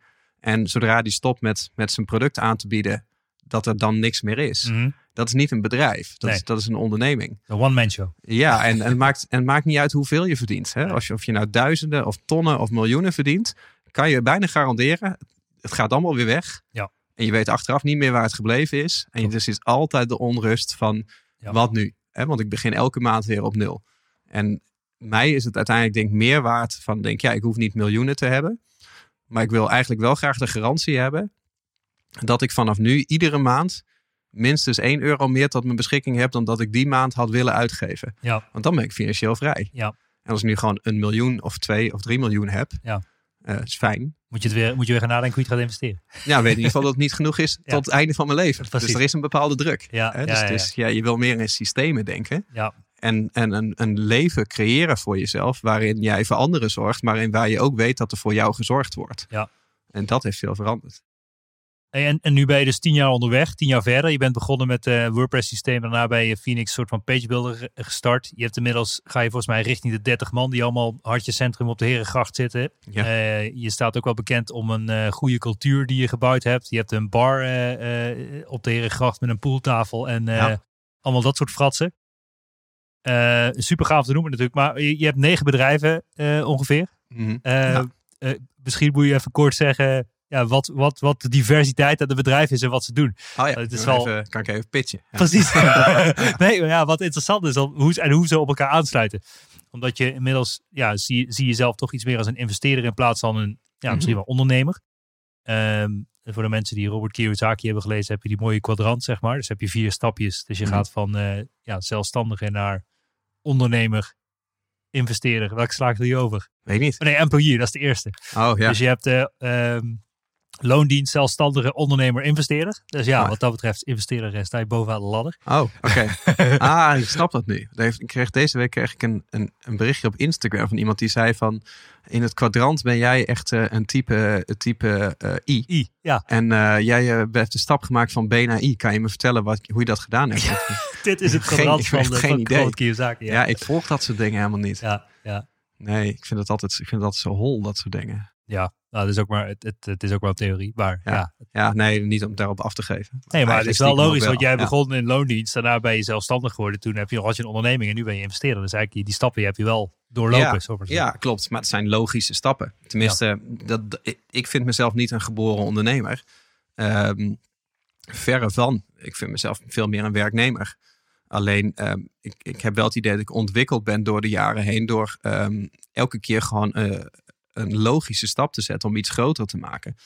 En dat is nu ook, kijk, het zijn ja, hoef, negen bedrijven. Het kan tien of elf zijn, ligt een beetje aan wat je meerekent. Weet je, want Ehm, ja, is mijn eigen holding, is dat dan, dat is een BV, is dat dan een bedrijf? Hè? Ik heb samen met mijn broer een investeringsmaatschappij. Nou, die doet niks anders dan in bedrijven investeren. Ja. Nou, daar zitten er dan nu twee onder. Ja, Zijn dat dan drie bedrijven of zijn Ja. dat dan, ja, dus, ja, ja, ja, dus het, zijn, nou, het zijn er genoeg. Dat is het probleem Ja, ja, niet. ja, ja. Maar het is allemaal ontstaan gewoon als, als logisch gevolg op wat er was. Hè? Ja. Dus, dus ik had de IMU. En IMU was gewoon een platform van waaruit ik online marketing cursussen gaf aan ondernemers. Ehm, en een hele contentstrategie, hè, dus blogs en video's en webinars op alle mogelijke manieren. Ondernemers leren hoe kom je nou hoger op in Google en hoe haal je meer leads en klanten uit je bezoekers. Hè, dus SEO en conversie. En daar had ik een product voor, winstmodel en nu Phoenix. En dat sloot daarop aan. En eh, op een gegeven moment ehm, werd het logisch om bijvoorbeeld Phoenix, omdat het dat zo groot werd, om dat uit de IMU te halen. Want dan maak je er twee BV's van. Hè. Dan hebben we één online marketing content BV, een community en memberships, cursussen. En één BV wat puur de software doet. Ehm, en afgezien van dat dat administratief fijn is, was dat ook een optie om de jongens die de software hadden gebouwd, die waren gewoon in loondienst. Ehm, maar ja, bij goede programmeurs heb je altijd de angst van wat als ze ooit een keer weggaan. Hè, want want eh, daar staat of valt je product mee. En je wil eh, zeker programmeurs die iets heel cools bouwen, waar je zo'n impact mee maakt, die wil je ook de erkenning geven van, ja, jullie, jullie zijn belangrijker dan, dan alleen maar dat salaris wat ik jullie betaal. Hè, dus die wil je deelgenoot maken van, van wat je doet. Dus wij noemen dat in, op bedrijf ook wel eens de gouden handboeien. Hè, gekscherend. Van, nou, je zegt dan tegen de jongens van, nou, oké, ik maak er een losse BV van. Ehm, jullie kunnen een percentage van de aandelen overnemen. Dus wat ik heb gedaan, is eh, de jongens gewoon een bedrag geleend. Zo van, ik leen jullie geld. Van dat geld kunnen jullie aandelen van het bedrijf kopen. Ehm, dan ben je dus per direct mede-eigenaar, ben je ook ondernemer. Maar alleen van die BV, dus niet van het totaal, maar alleen van die wat jij hebt gebouwd. Dat maakt het makkelijker. Ehm, en eh, van alle winstuitkeringen die wij doen de, in de toekomst, mag jij per winstuitkering kiezen van wil je dat hebben? Of haal je het van jouw openstaande schuld af? En als het bedrijf nog tien keer zoveel waard wordt de komende jaren, dan is dat een goede deal. Ehm, als het minder waard wordt, niet per se, maar dat zorgt er natuurlijk wel voor. Ehm, en het is risicoloos, hè, want in principe kopen ze die aandelen. Er is geen financiële transactie, hè, maar ze kopen het van hun toekomstige inkomsten die uit het bedrijf zelf gaan komen. En hoe wat scenario's failliet gaat, moeten ze de schuld inlossen? Er is geen scenario in mijn hoofd. Oké. Ja, nou ja, ja, goed, weet je, stel dat er ooit een probleem zou zijn of ik zou zeggen we stoppen ermee. Dan zou ik gewoon zeggen van ik koop nu de aandelen weer van jullie terug voor dezelfde waarde. Ah, ja. ja. dus ik zou Ja. mensen niet met een schuld opzadelen. Het is alleen puur van je geeft mensen het niet cadeau. Want eh, ik zou het ook niet cadeau willen krijgen. Hè? Dus het heeft wel een daadwerkelijke waarde. En daar heb ik gelukkig mijn broer voor als accountant om daarop te wijzen. Van ja, als jij in tien jaar lang iets opbouwt, dan wil je misschien heel graag dat een stuk weggeven aan iemand anders. Maar je helpt andere mensen niet door, te, door het zomaar te geven. Ehm, en dat is ook niet eerlijk tegenover jezelf. Hè? Dus, dus je moet er wel een waarde op zetten. Mm. En ook een reële waarde. En daarnaast mag het juridisch gezien ook niet. Je mag niet aandelen verkopen voor 0 euro als die aandelen een daadwerkelijke waarde hebben. Dus ehm, zo heb ik dat bijvoorbeeld gesplitst. En het zijn meerdere bedrijven geworden, omdat. ehm, Weet je, wij hebben op een gegeven moment hebben we bijvoorbeeld nieuwe software ontwikkeld, wat we zelf nodig hadden, hè, naast Phoenix. Dus wij hadden al onze klanten hadden we in een Facebookgroep. Ehm, om, om de klantenservice makkelijker te maken. Hè. Dus in plaats van alleen maar één op één mails te beantwoorden, ehm, had ik toen zoiets van, nou, als ik al mijn klanten toevoeg aan een besloten Facebookgroep, en bij elke vraag die binnenkomt, vraag ik van, zou je je vraag in de Facebookgroep willen stellen? Dan ga ik hem daar beantwoorden. Dat was echt al in 2011 dat we daarmee begonnen. Toen zag ik ineens, wat toen bleek, een community te zijn. Het hele woord community had ik nog nooit gehoord. Mhm. Maar ineens zaten al die klanten de hele dag met elkaar op Facebook. Gewoon elkaar met de software te helpen en elkaar adviezen te geven over hun website en over hun business. En mensen vonden het ook nog eens super leuk om iemand anders te kunnen helpen met een vraag waar zij het antwoord van wisten. Mhm. Dus toen dacht ik van, dit is gewoon heel gaaf om een community te hebben in plaats van een klantenservice. Want dan is het niet meer één op één, maar dan is het ineens, eh, dan doen we het samen. En omdat ik vond Facebook een beetje fragiel. Hè, ik denk, ja, ik weet niet wat Facebook gaat doen. Eh Facebook groepen is ook maar een klein radertje in het geheel. Ja. Het is ook allemaal eh, actualiteit. Hè? Er is geen overzicht of zo. Hè? En als iemand nou net klant is geworden en die komt binnen in bijvoorbeeld een discussie waar twee mensen ruzie met elkaar hebben, want Ja, dat ja. gebeurt ook, Ja. dan is de eerste indruk niet goed. Dus toen hebben wij gezegd van we bouwen gewoon een eigen Facebook, hè? dus een eigen community platform. eh, waar je het forum op hebt, Ja. maar tegelijkertijd ook een e-learning. Want dan Ja. kunnen we ook onze trainingen erin zetten en documenten. En Mhm. dan hebben we veel meer overzicht. Ja. En eh, dat, dat hebben we toen voor onszelf gebouwd. En toen vroegen een heleboel klanten van, wij willen dit ook. Zouden jullie die software beschikbaar willen stellen? Dus toen heb ik de bouwer daarvan, Alex, gevraagd van wat nou als wij samen een nieuwe BV inschrijven en jij gaat de software gewoon nog een keer bouwen. Eh, maar dan, dan als een, een te vermarkten product, hè? dat is dan Huddle geworden. En dan, eh, dan in plaats van dat ik je daarvoor inhuur, krijg je daar gewoon een aandelenpakket voor. Hè? Dus dan starten we een nieuw bedrijf. En dan breng jij de software in. En ik breng mijn eh klandizie in, hè? Mijn, mijn, marketing, mijn marketing power. En dat hebben we met Plug and Pay ook gedaan. Ja. Wat in principe gewoon, ja, wij hadden op een gegeven moment die, eh, die lidmaatschappen. En we hadden gewoon strakke betaalpagina's nodig met, Precies. met een membership. Hè? Ja. Dus dat je gewoon een abonnement kon afsluiten. Ja. En dat kregen we gewoon nergens voor elkaar, zoals dat wij het wilden hebben. Precies. En we wilden ook niet een hele webshop bouwen om maar één Ja. betaalpagina te hebben. Nee, Plug and Pay is een beetje de ClickFunnels eh, voor de mensen die het kennen van, Ah, eh, ja. van, van Nederland. Ah ja, het is wel een verboden woord Oh ja, natuurlijk. oké, we- dat, dat is wel een grote piep onderzet. Nee joh. maar eh, maar eh, ik herken het probleem, want ik gebruik natuurlijk Plug and Pay ook. Mhm. En eh, ik was ook aan het kijken van, oké, hoe kan ik nou in de Nederlandse markt eh one-click upsells doen, kassakopisch, allemaal dat soort dingen. Ja, dat kon Ja, gewoon geen enkele niet, tool. nee. Dus, eh, dus de- ik denk dat je daar een hele goede markt vult in Europa überhaupt Mhm. met mega potentie. Ehm, ik heb zelf mijn eigen boekfunnel natuurlijk ook getest in jullie software en ik gebruik Mhm. het nog steeds eh, ja. elke dag. Dus Mhm. eh, ja, het werkt echt top. Ja, dat is een goede promotie dit. Ja, nou ja, het- het- het is- Plugandpay.nl slash bas. Ja, precies. Het is wat het is. precies. Hey, Ja. Maar ik wil het toch ook een beetje even hebben met jou over- focus. Want ehm, Ja, dat is goed om dat even aan te brengen. nou ja, ik denk dat, ik bedoel, ik zeg altijd, er zijn twee hele belangrijke, en er zijn natuurlijk wel veel meer, maar twee hele belangrijke dingen zijn focus en discipline die je nodig moet hebben om nu uiteindelijk succesvol te worden. Mhm. Als ik naar mezelf kijk, had ik relatief weinig focus toen ik startte als bedrijf. Je zoekt toch de shortcuts en eh, Mhm. alle, alle shortcuts naar miljoen, eh, miljonair worden. En eh, Ja. het, in het begin maakt het niet uit hoe je geld verdient, als je wel geld verdient. Mhm. En nu ben je toch tien jaar verder in je business. Dan gaat het in één keer ook om andere dingen draaien. Ehm, eh, je hebt ja, zoals je ook in het begin zei, heb je enorme focus gehad door zes weken lang een boek te schrijven, het vervolgens uit te brengen. Mhm. En het is ook nog eens fucking 15.000 keer over de toonbank gegaan binnen 2,5 weken of zo. Wat was het? Ja, tweeënhalf week. Ja. Ja, ik bedoel, dat, dat, het is eigenlijk niet menselijk te doen, maar vertel me dan over het proces waarop jij besluit door je zes weken lang op te sluiten. En je hebt je niet alleen opgesloten, je bent er nog eens zes keer per week gaan trainen, geloof ik, of zeven, ik weet het niet eens. Ja, ietsje meer. Ja, twee keer per dag. Ja, Ja. twee keer per dag, twee keer per dag trainen. Je kwam Ja. na zes weken, kom je gewoon fucking ripped naar buiten. Mhm. Je hebt fucking strak gegeten, je hebt een boek geschreven. Je zit hier in een soort van vitrine. je- Ja, je gekregen van een team. Ja. Ja. Ja. Het staat op eh, in zes weken geschreven, in één week 10.000 keer verkocht. Ja, dat dan- was pas na één week dat het cadeautje kwam. Ja, dat is toch woest. Maar goed, kijk, Ja. ik bedoel, je hebt dan geen kinderen en dat soort dingen. Dus het is denk ik heel ma- het is makkelijker in ieder geval om zo'n challenge te doen. Ja. En dan iemand die wel drie kinderen heeft. Maar ja, vertel me normaal zou ik daar tegen ingaan, maar die fout heb ik laatste keren in de familie gemaakt door te zeggen dat eh, iemand met kinderen dit ook zou moeten kunnen. Ja, En dat wordt niet altijd zo heel erg gewaardeerd. Dus eh, ik zal het voor nu met je eens zijn. Het kan inderdaad kan Alles al- kan. alleen als je geen kinderen hebt. alles kan. Alles Ja. kan. Maar, Ja. maar neem me mee in het proces. Wat jou doet besluiten door je zes weken op te sluiten en dit hele spektakel eh, op touw te zetten. Met de juiste focus toch? Want kijk, Ja. menig een zegt na een week al, ah fuck die focus, ik ga wel patat eten en ik, eh, dat boek dat komt over twee jaar wel. Ja, ja ik, ik ook. Ehm, weet je, kijk, ehm, consistentie, dat, dat heb ik wel. Hè? Dus ehm, ik vind het ergens ook raar dat ik zoveel bedrijven heb. Hè? Het was net natuurlijk een beetje een lang antwoord toen je vroeg van, hè, vertel eens wat al die bedrijven dan zijn. Maar de, de kern die ik er meer eh, eh, had willen belichten is dat het zeg maar, het komt gewoon steeds voort uit wat het er al is. En het is een logische volgende stap. Hè? Dus normaal gesproken zou ik zeggen, het is een uitermate dom idee om meer dan één bedrijf te starten.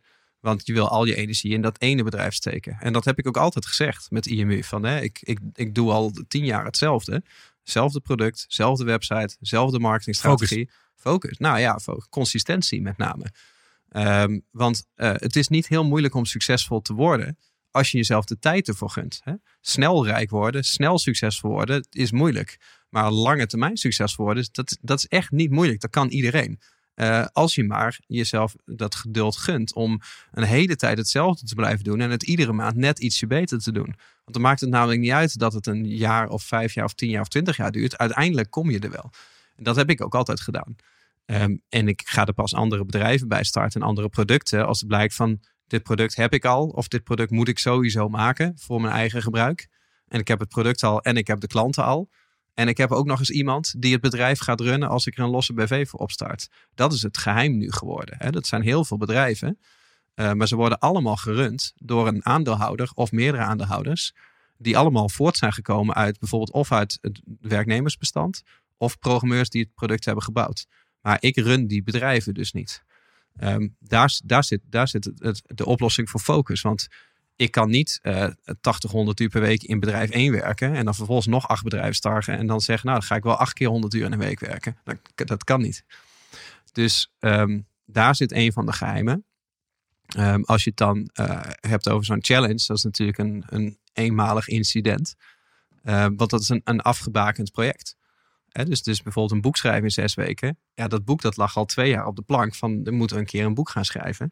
En het kwam er maar steeds niet van. Ja, het idee bedoel je? Ja. Lag op de plank. Ja, ja. Ja, nee, het boek niet. Ja, de inhoudsopgave. De inhoudsopgave ja. had ik al twee jaar lang. En veranderde wel steeds. En ik kreeg ook steeds een andere titel en een andere kant op. Maar het zat wel in mijn hoofd. Maar ja, als je het leven je laat overkomen. En je gaat aan het einde van de dag kijken of er nog tijd is om zo'n boek te schrijven. Dat komt niet. Einde van de week, einde van de maand ook niet. En ehm, ik had toen, het begin van het jaar, had ik ehm, die fitness challenge had ik afgesproken met mijn trainer. Eh, Michael, die, die traint mij al 4,5 jaar. En die wilde heel graag een keer een make-over doen. En dan had hij zoiets, hij zei, als we dan een paar weken lang zeg maar alles perfect doen qua voeding en qua slaap en qua training. En we gaan proberen om zo groot mogelijk contrast te vormen tussen de before en de afterfoto. Dat is een mooi project. En hij zei, dan kan ik dat mooi op mijn website zetten. En dan krijg ik daar weer klanten bij. Zie je, kijk hè, dat heb ik ervan gemaakt. en eh, ik, ik heb dat na heel lang wik en wegen maar eens een keer toegezegd. Eh, en omdat ik dat toch wel ging doen, ik had toen dezelfde periode een meeting met Martijn, mijn compagnon in IMU. En toen hadden we gewoon eh, een, een, een, een jaarplan waar we keken van wat willen we in 2020 doen.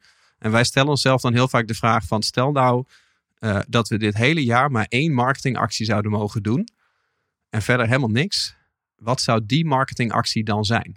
En dat hebben we vorig jaar ook gedaan. Toen hebben we dan het Avon Circus Theater afgehuurd. Toen wilden het grootste seminar van Nederland geven. Nou, dat is ook woest. Dat deed je ook out of the blue, hè? Er zaten, hoeveel man zaten daarin? Eh 1800. 1800. Hij vult heeft een zaaltje met 1800 man out of the blue, Ja, zeg maar. gratis hè? Ja, Dus, nou goed. Maar goed, je komen wel 1800 man voor jullie daar eh, kijken wat jullie te vertellen hebben. Ja, klopt. Maar daar is het ook een beetje uit voortgekomen. Want in het Circus Theater was dan het idee van... we gaan gewoon één heel groot seminar geven. En daarmee laten we aan de markt zien ehm, hoe groot de IMU is geworden.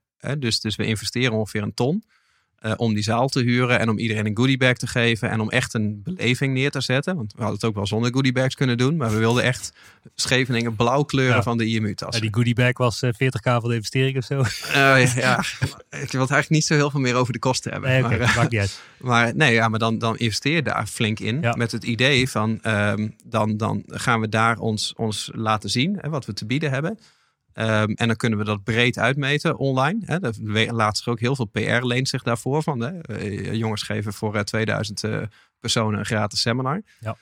En ehm, daar hebben we toen het online marketing tornado model geïntroduceerd. Dat we dachten we moeten eigenlijk als we maar één dag de tijd hebben voor nieuw publiek. Dan moeten we gewoon een model hebben wat mensen onthouden. En eh, wat we aan onze software kunnen koppelen. Hè. Dus we hebben de Phoenix, het website systeem, Plug and Pay, het betaalsysteem. En Huddle, het, het e-learning systeem of het community systeem. En als je die drie samen zou gebruiken, dan hoort daar een marketingstrategie bij. En wij hebben dan de traditionele marketing funnel, die hebben we omgedraaid. En toen werd het een tornado.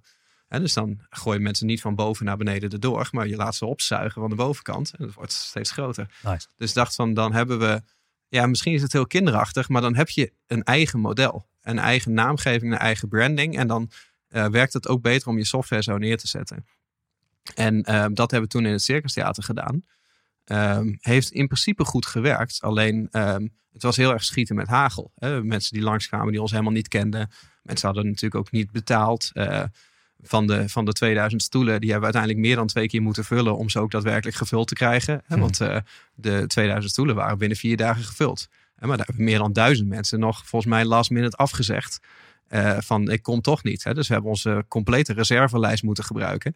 Voor mensen die allemaal al drie dagen van tevoren zeiden van nou ik, eh, ik kom niet. En als je niet zou komen dan zou je een no-show boete krijgen van 100 euro. Die heb je eigenlijk niet gefactureerd. Nee, natuurlijk gaan factureren we dat niet. Maar we hadden zoiets van als het gratis is. Ja, Ja. als er dan straks Ja. 100 mensen komen, dat Ja. kan niet. Ja.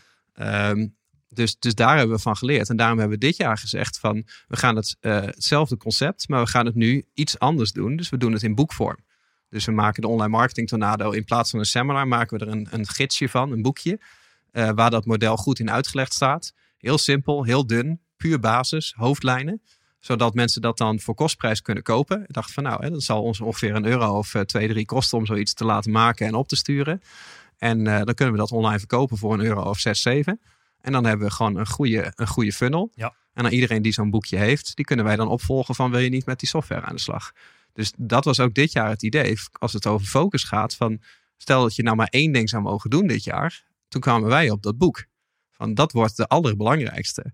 Eh, alleen het schrijven is een beetje uit de hand gelopen. Blijkbaar kunnen Martijn en ik ons niet inhouden. Ehm, en hebben dus niet een, een startersgidsje geschreven, maar hebben een online marketingboek geschreven waar alles in staat wat, wij, wat we ooit verteld hebben. Ja, volgens mij moest je de papierdikte nog aanpassen, anders past hij niet naar de brievenbus, toch? Ja, ja, klopt. Ja, dus dat was een beetje het probleem. Ja. Want die hele rekensom van kostprijs verkopen, Ja. dat ging dus niet meer op. Want de kostprijs was dus, het kost ons in eh, een boek te laten drukken en in Nederland verzenden kost ons volgens mij 9 euro en 5 cent. En als het naar België gaat, kost het 9,95. Dat is de exacte prijs. Maar wie gelooft dat nou? Als Ja. jij online gaat zeggen van de kostprijs is 9,95. Ja, Dan ja. denkt iedereen van, dat hebben ze er maar van gemaakt. Ja.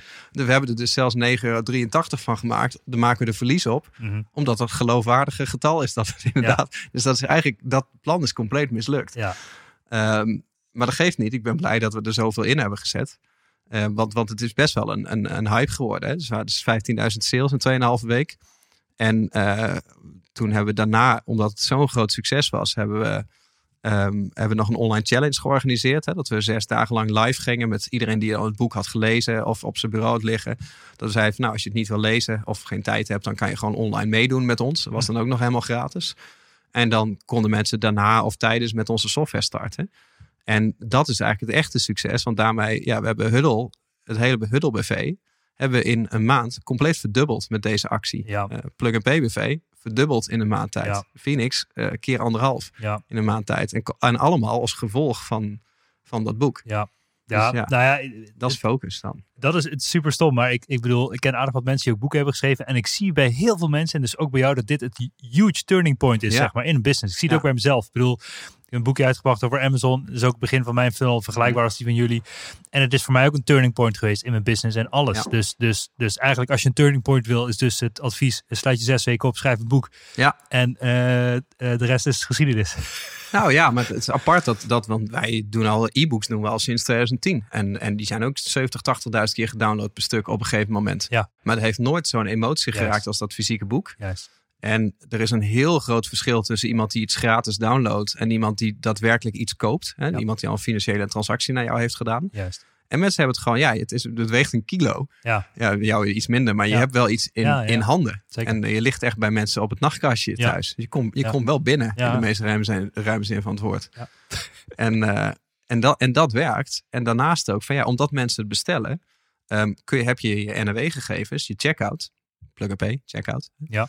Ehm, is het ook heel logisch om een telefoonnummer te vragen. En, en hè, dat, doen we, dat doen we bij jou vanuit Salespassie. Hè, want dat is een van de andere eh, participaties.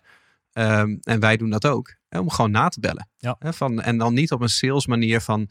eh, je hebt ons boek gekregen, gekocht. Wil je ook onze cursus kopen? Mhm. Maar gewoon op een manier van... nee, je hebt het boek gelezen en we zijn gewoon benieuwd wat je ervan vindt. Ja. En meer eh, wordt er niet voorbereid voor dat gesprek. Ja.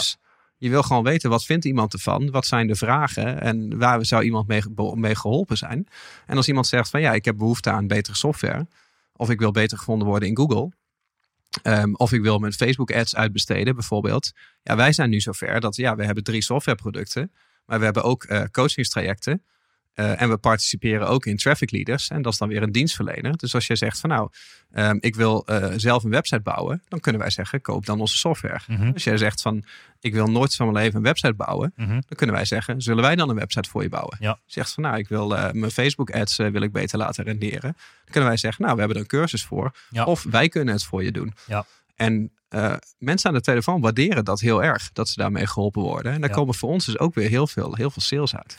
Dat is echt een game changer.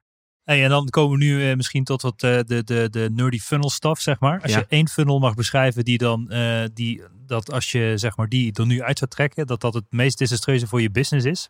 Desastreus. Ja, dus, dus als je die funnel nu zou stoppen vandaag, dan, oh, eh, dan Oh. verlies je het meeste omzet of dan zou je het minste klanten. Maar wat is de belangrijkste funnel in je business? En hoe Ehm, ziet die er ongeveer uit? Je hoeft niet eh, helemaal uit te leggen waar. ja, hoe ziet die er ik, ongeveer eh, uit? omdat ik een beetje lang van stof ben waarschijnlijk. ja. Ja, je stelt ook hele uitgebreide vragen. Ja, precies. Ja. Want ik maar zou eigenlijk antwoord geven op hoe ik aan focus kom. Maar daar hebben we het niet meer over gehad. Dus nou blijkt dus dat ik dat niet heb. Goede focus, ja. Ja, nee, ik moet, dat, ik moet dat buiten mezelf leggen. Daarom maak ik dus in zo'n zes weken een afspraak met een trainer. Want die komt hier dan drie keer in de week om mij te trainen. En die maakt een voedingsschema. Maar als je het aan mij overlaat, dan krijg je dus dit. Nee, oké, Oh, je betaalt andere mensen voor je focus. Ja, klopt. Ja, ik heb dat zelf niet. Ja. Want als hij hier niet zou komen, dat, ik, ik til geen dumbbell op. Nog, geen- nog van geen kilo. Ja. Ik til mijn eigen boek niet eens op. Nee. Dus, dus dat, dat, dat is zeg maar stiekem extra antwoord over focus. Als je Ja. niet hebt, leg het dan buiten jezelf. Nee, precies. Maar ehm, jouw vraag over funnel. Nou, kijk, ehm, bij de loodgieter lekt het altijd. Hè? Ehm, ik zeg al sinds 2010 tegen mensen dat ze een goede funnel moeten hebben.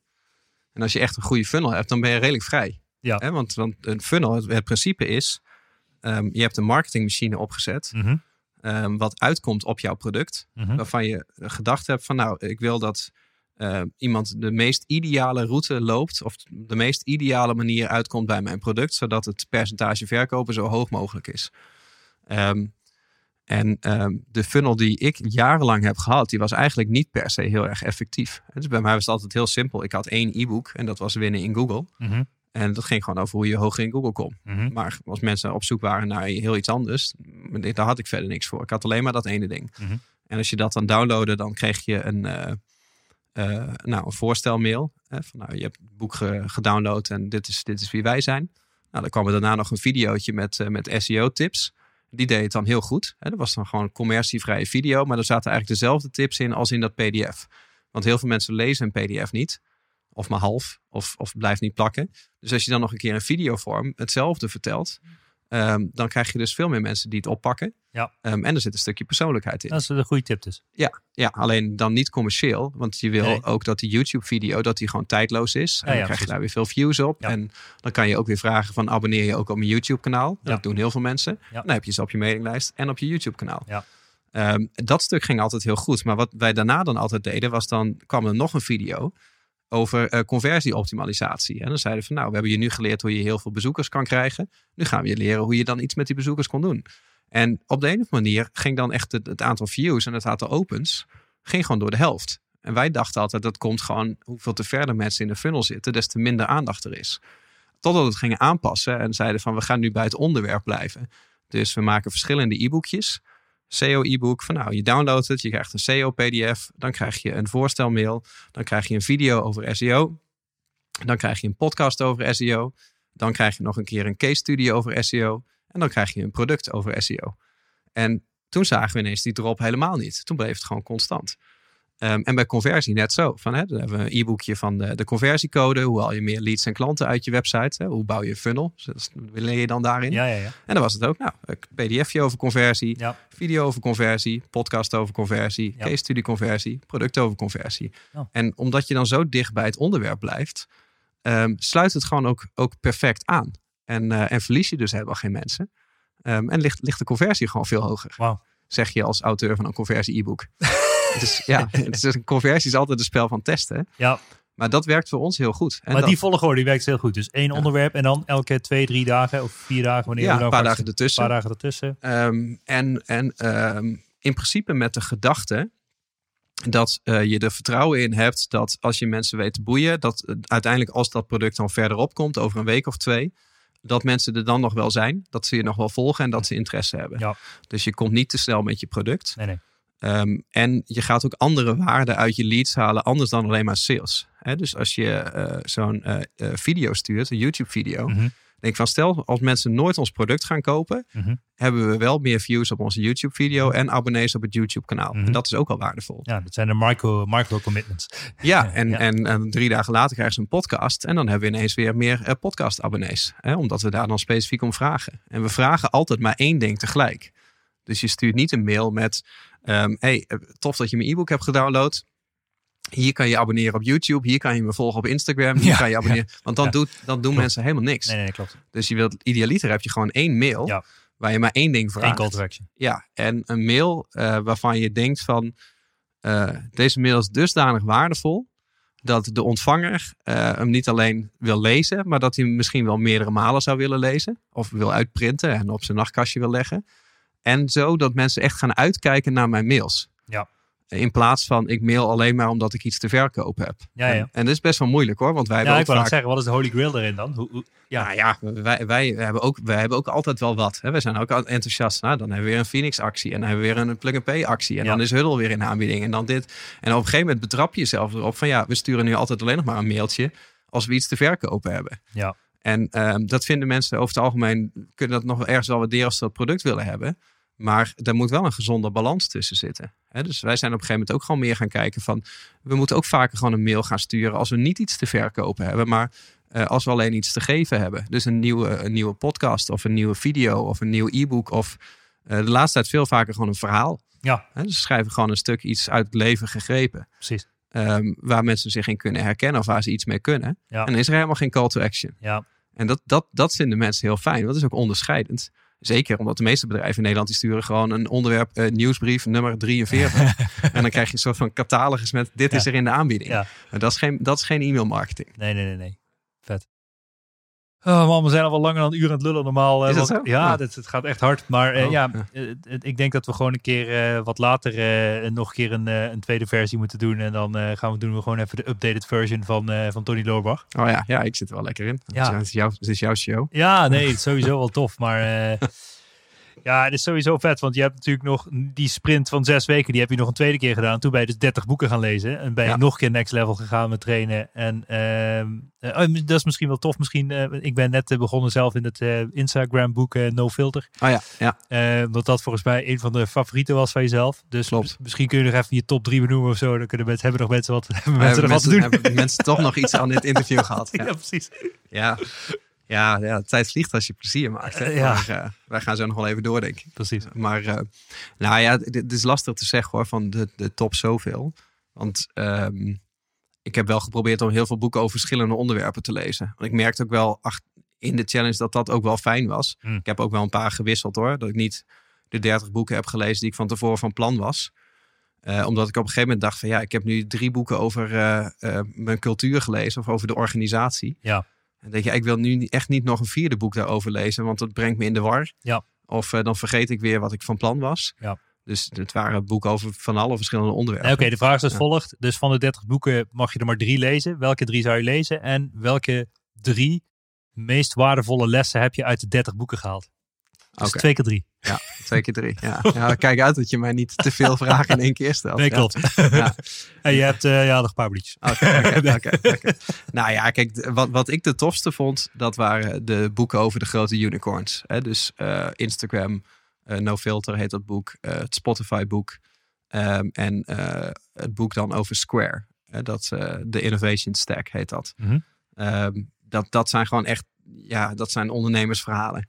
Vond ik het mooiste. En eh, dat is dan wel allemaal zelf de categorie, maar ehm, dat heeft me heel erg geraakt, omdat het je gewoon heel erg eh, weer groot laat denken. En het laat, je weer, het laat je weer dromen. En al die andere boeken waren wat, wat praktischer, zeg maar. Dus die zetten je meer aan het werk. En mag kiezen, ben ik liever aan het dromen dan dat ik aan feitelijk werk aan het verzetten ben. Ehm, dus die zou ik heel erg aanraden. Ehm, jouw tweede vraag was, welke drie dingen heb ik eruit gehaald? Ja, de drie, drie meest waardevolle lessen of dingen, tips, whatever, die je misschien toepast, gaat toepassen. Of waar je dacht van, what the fuck, dit is echt wel een gamechanger voor mezelf. Of in mijn leven of in je business of whatever. Ehm, nou, sowieso het, het proces van lezen. Ehm, ik heb natuurlijk, als je 30 boeken in zes weken gaat lezen, dan, eh, dan sta je op tijd. En dan, dan, moet, je, dan moet je echt gaan timen van hè, welke momenten ga ik lezen en hoe snel kan ik dan lezen. Ehm, en ik dacht bijvoorbeeld van nou, hè, ik ben echt een avondmens. Ik zal waarschijnlijk het meeste lezen s'avonds tussen 6 en 10 doen in bed. Eh, en dan ga ik daarna meteen slapen. Nou blijkt uiteindelijk dat ik ochtends veel sneller kan lezen dan, dan 's avonds. Hè. Dus als ik ochtends uit bed kom en ik stond dan om 7 uur op. Dan, als ik dan meteen ging lezen en ik had echt nog mijn laptop niet bekeken, mijn telefoon nog niet bekeken, nog niet gesport, nog geen ontbijt gehad, gewoon een kopje koffie, verder niks. Dan, dan zoog ik het echt op als een spons en dan, dan kon ik echt 100 pagina's per uur lezen. Maar als ik eh, bijvoorbeeld eerst ging trainen, dan was mijn hartslag al verhoogd. En dan was ik onrustiger. En dan had ik al meerdere gedachten gehad. En dan, dan kon ik nog maar 70, 80 pagina's per uur lezen. En als ik de fout maakte om eerst op mijn telefoon te gaan kijken. of eerst in mijn inbox te kijken. dan was de productiviteit helemaal weg. Ehm, dus, dus je leert heel goed van jezelf. van waar zit mijn, waar zit mijn gouden uur. En, eh, en hoe is mijn energie verdeeld. Want het, het was echt niet de tijd wat de uitdaging was. Het was gewoon het. eh, tijd inplannen en jezelf nul af laten leiden in de tijd dat je daarvoor zit. En dan kan je met een half uur op een dag kan je echt superveel bereiken. Mm. Als je in dat half uur maar absoluut nul laat afleiden. Ja, toch weer focus dus. Dat is, dat is focus. Ja, maar dan moet het. Want, want als had ik die challenge niet gehad, dan had ik waarschijnlijk nog geen boek gelezen in die zes weken tijd. Dus je hoeft het niet van jezelf te hebben, die discipline. Maar ik maak dan de afspraak met mijn broer. En ik vertel het aan de hele wereld dat ik die 30 boeken ga Ja, lezen. en dat schijnt ook het- de kans op succes met echt 60% of dramatisch te verhogen als je dat openbare commitment maakt. Ja. Eh, eh, dus, dus als je het openbare commitment niet wil maken, wat je ook wil bereiken, dan moet je al bij jezelf gaan afvragen of je het wel wil bereiken. Ja, klopt. Ja, daar begint het al mee. Ja, ja. Ja. maar het is ook gewoon, weet je, op een gegeven moment zit ik een boek te lezen. Dan denk ik, ja, ik vind het niet zo boeiend. Ik kan het nu gewoon dicht doen. En dan zeg ik toch gewoon dat ik het heb gelezen. Ja. Kijk, eerder dit jaar moest ik een boek schrijven in zes weken. Ja. Dan kan je niet zeggen dat je dat hebt gedaan als dat niet zo is. Nee. Want dan is het feitelijk geen boek. Klopt. Maar je kan wel zeggen dat je een boek hebt gelezen. Ja, Maar wat nou als je een broer hebt die dezelfde 30 boeken leest. En die iedere zaterdag langskomt. Het kan zijn dat hij ineens iets gaat vertellen over iets wat jij niet hebt gelezen. Dan val je door de mand. Ja. En dan gaat hij denken dat je alle boeken niet hebt gelezen. Dus dan kan je het niet permitteren om ook maar één pagina niet te lezen. Nee. Dus dat, dat, dat maakt het, dat heb ik eruit geleerd. En, Wat, ehm, de- wat, maar inhoudelijk uit de boeken, de drie dingen die je denkt van, ja, dit zijn gewoon drie dingen die mij het meest zijn bijgebleven van alle boeken die ik gelezen heb. En daar, daar heb je nog iets aan.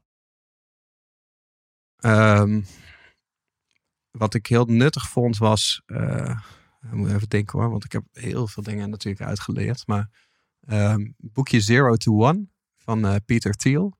Eh, dat is een investeerder die achter heel veel eh, van die grote partijen zit. Ehm, daar heb ik wel heel veel uit geleerd. Met name zijn kijk op uh, concurrentie. Dat, dat de meeste ondernemers zijn, uh, ik ook wel, zijn, kijken toch wel naar uh, hoe kan ik me onderscheiden in de markt. Of hoe kan ik marktaandeel afpakken van de concurrent, bij wijze van. Um, en je bent toch vaak geneigd om een beetje de strijd op te zoeken. En hij schreef juist een stuk zo van, ja, hij zei, oorlog is slecht voor iedereen. Ook voor degene die wint. Concurrentie is ook slecht voor iedereen. Ook voor degene die wint. Want je laat je afleiden. En je past je bedrijf aan op een ander. En zeker als je de fout maakt om op een gegeven moment een concurrentie te gaan voeren op prijs bijvoorbeeld. Dat je denkt van oeh, maar ik ben hetzelfde als de concurrent. Dus ik ga me nu mijn prijzen verlagen als onderscheidend middel. En dan op een gegeven moment krijg je een prijzenoorlog en dan concurreer je elkaar kapot, zeg maar. En dan is het en de markt kapot en je bent allebei eigenlijk je voordeel kwijt. En hij zei van ja, ieder falend bedrijf heeft gefaald zich te onderscheiden van de concurrent. In een positieve manier. En uh, hij zei, je moet ook geen oorlog aangaan met, uh, met uh, partijen waar je niet van kan winnen. Hè, dus, en dat had ik voor mezelf bijvoorbeeld ook wel. Van ja, wij hebben in Nederland hebben wij een hele toffe business met, met, met softwarebedrijven. Maar als wij nu bijvoorbeeld te vroeg de internationale markt op gaan, dan krijgen we te maken met andere concurrenten. En, um, en dan zullen we een andere strategie voor moeten voeren. En ik, dit was maar iets heel kleins. Ja, het, moet, het moet ook net op je van toepassing zijn. Zeker. Maar het kwam, kwam bij mij kwam het heel erg binnen. Van, hè, je bent liever de, de, de, de grote vis in de kleine vijver. Die je maximaal kan eten. Dan dat je je laat verleiden om uh, de kleine vis. Of eh, de grote vis in de kleine vijver ook zeggen. Dan dat je laat verleiden om het kleine visje in de hele grote zee te gaan worden. Ja, ja, maar het is zo verleidelijk om die grote zee in te gaan. Want ja, ja. daar zit de potentie natuurlijk. Ja, ja. Ah, wel goede, goede les. Nou, ik hoop en, voor Peter dat ik het een beetje heb uit kunnen leggen. En op persoonlijk vlak dan? Gewoon een, een, een, een dagelijks leven tip of zo? Of om dingen eenvoudiger te maken of whatever? Geen idee. Uh, nou, het boek Indestructible heb ik ook meteen uh, in uh, 25 fouten gekocht en aan het hele team gegeven. Ehm, want dat, dat liet echt zien, is het van de auteur van Hooked. die heeft een boek geschreven over hoe je eh, verslaafd raakt aan social media platformen. Ja. En hij zei van, ik had het eigenlijk geschreven om consumenten tegen zichzelf te beschermen. Maar wat er is gebeurd is dat allemaal softwareontwikkelaars, zoals ik, het misbruikt hebben om hun klanten nog meer verslaafd te maken aan al die grote social media platformen. Ja. Dus nu heeft hij Indistractable geschreven als soort van wapen um, voor, voor een gewoon mens om je, om je vrijheid terug te, te claimen en om je focus terug te claimen. En, en dat boek gaat gewoon over hoe je afleiding elimineert uit je leven. En dat kwam, voor mij kwam dat al heel erg binnen, omdat ik natuurlijk precies in die zes weken ineens merkte wat er mogelijk is in zes weken tijd. Als je je helemaal niet af laat leiden. En er stonden zulke uh, prachtige basistips alleen al in. Alleen al het feit dat als je, wat ik bijvoorbeeld had, dat als ik zat te lezen en ik kon alleen maar mijn telefoon zien liggen, dan hoefde ik niet eens geluid te maken, dat dat al een afleidende factor was. Ja, geloof ik. En er stonden heel veel van dat soort dingen in. En ook hoe je jezelf daartegen kan wapenen. Hè? Dus hoe je je Facebook timeline kan, leeg kan halen. En hoe je de uh, aangeraden video's bij je YouTube weg kan halen, zeg maar. En heel veel van dat soort life hacks. Waardoor je een afleidingsvrij leven gaat leiden. En dat vond ik heel fijn. Perfect boek voor je personeel, Tony. Ja, nou ja, wat, wat tijdens corona denk je, ze maken allemaal meer uren dan ooit. Ja. Want je kan, als je thuis werkt, dan kan je om vijf uur je laptop wel dichtklappen. Maar meestal gaat hij dan om zes uur weer open. Ja. Want je, hebt, ja, je gaat verder nergens heen of zo. Nee, klopt. Dus iedereen werkt maar door en werkt maar door. En ergens is dat heel fijn. Maar ik maak me dan een beetje zorgen over, uh, over de, de, de burn-outs en het overspannen raken. Zeker in deze leeftijdscategorie. Hm. Dus dacht ik kan ze niet zeggen dat ze beter voor zichzelf moeten zorgen en verwachten dat ze dat gaan doen. Ja. Maar kan ze wel een boek geven waardoor ze zelf het idee krijgen om beter voor zichzelf te gaan zorgen. En ja. dat werkt heel goed. Mooi. Ja. Mooi gedacht. Uh, ja, aan alle goede dingen komt een eind, hè, Tony.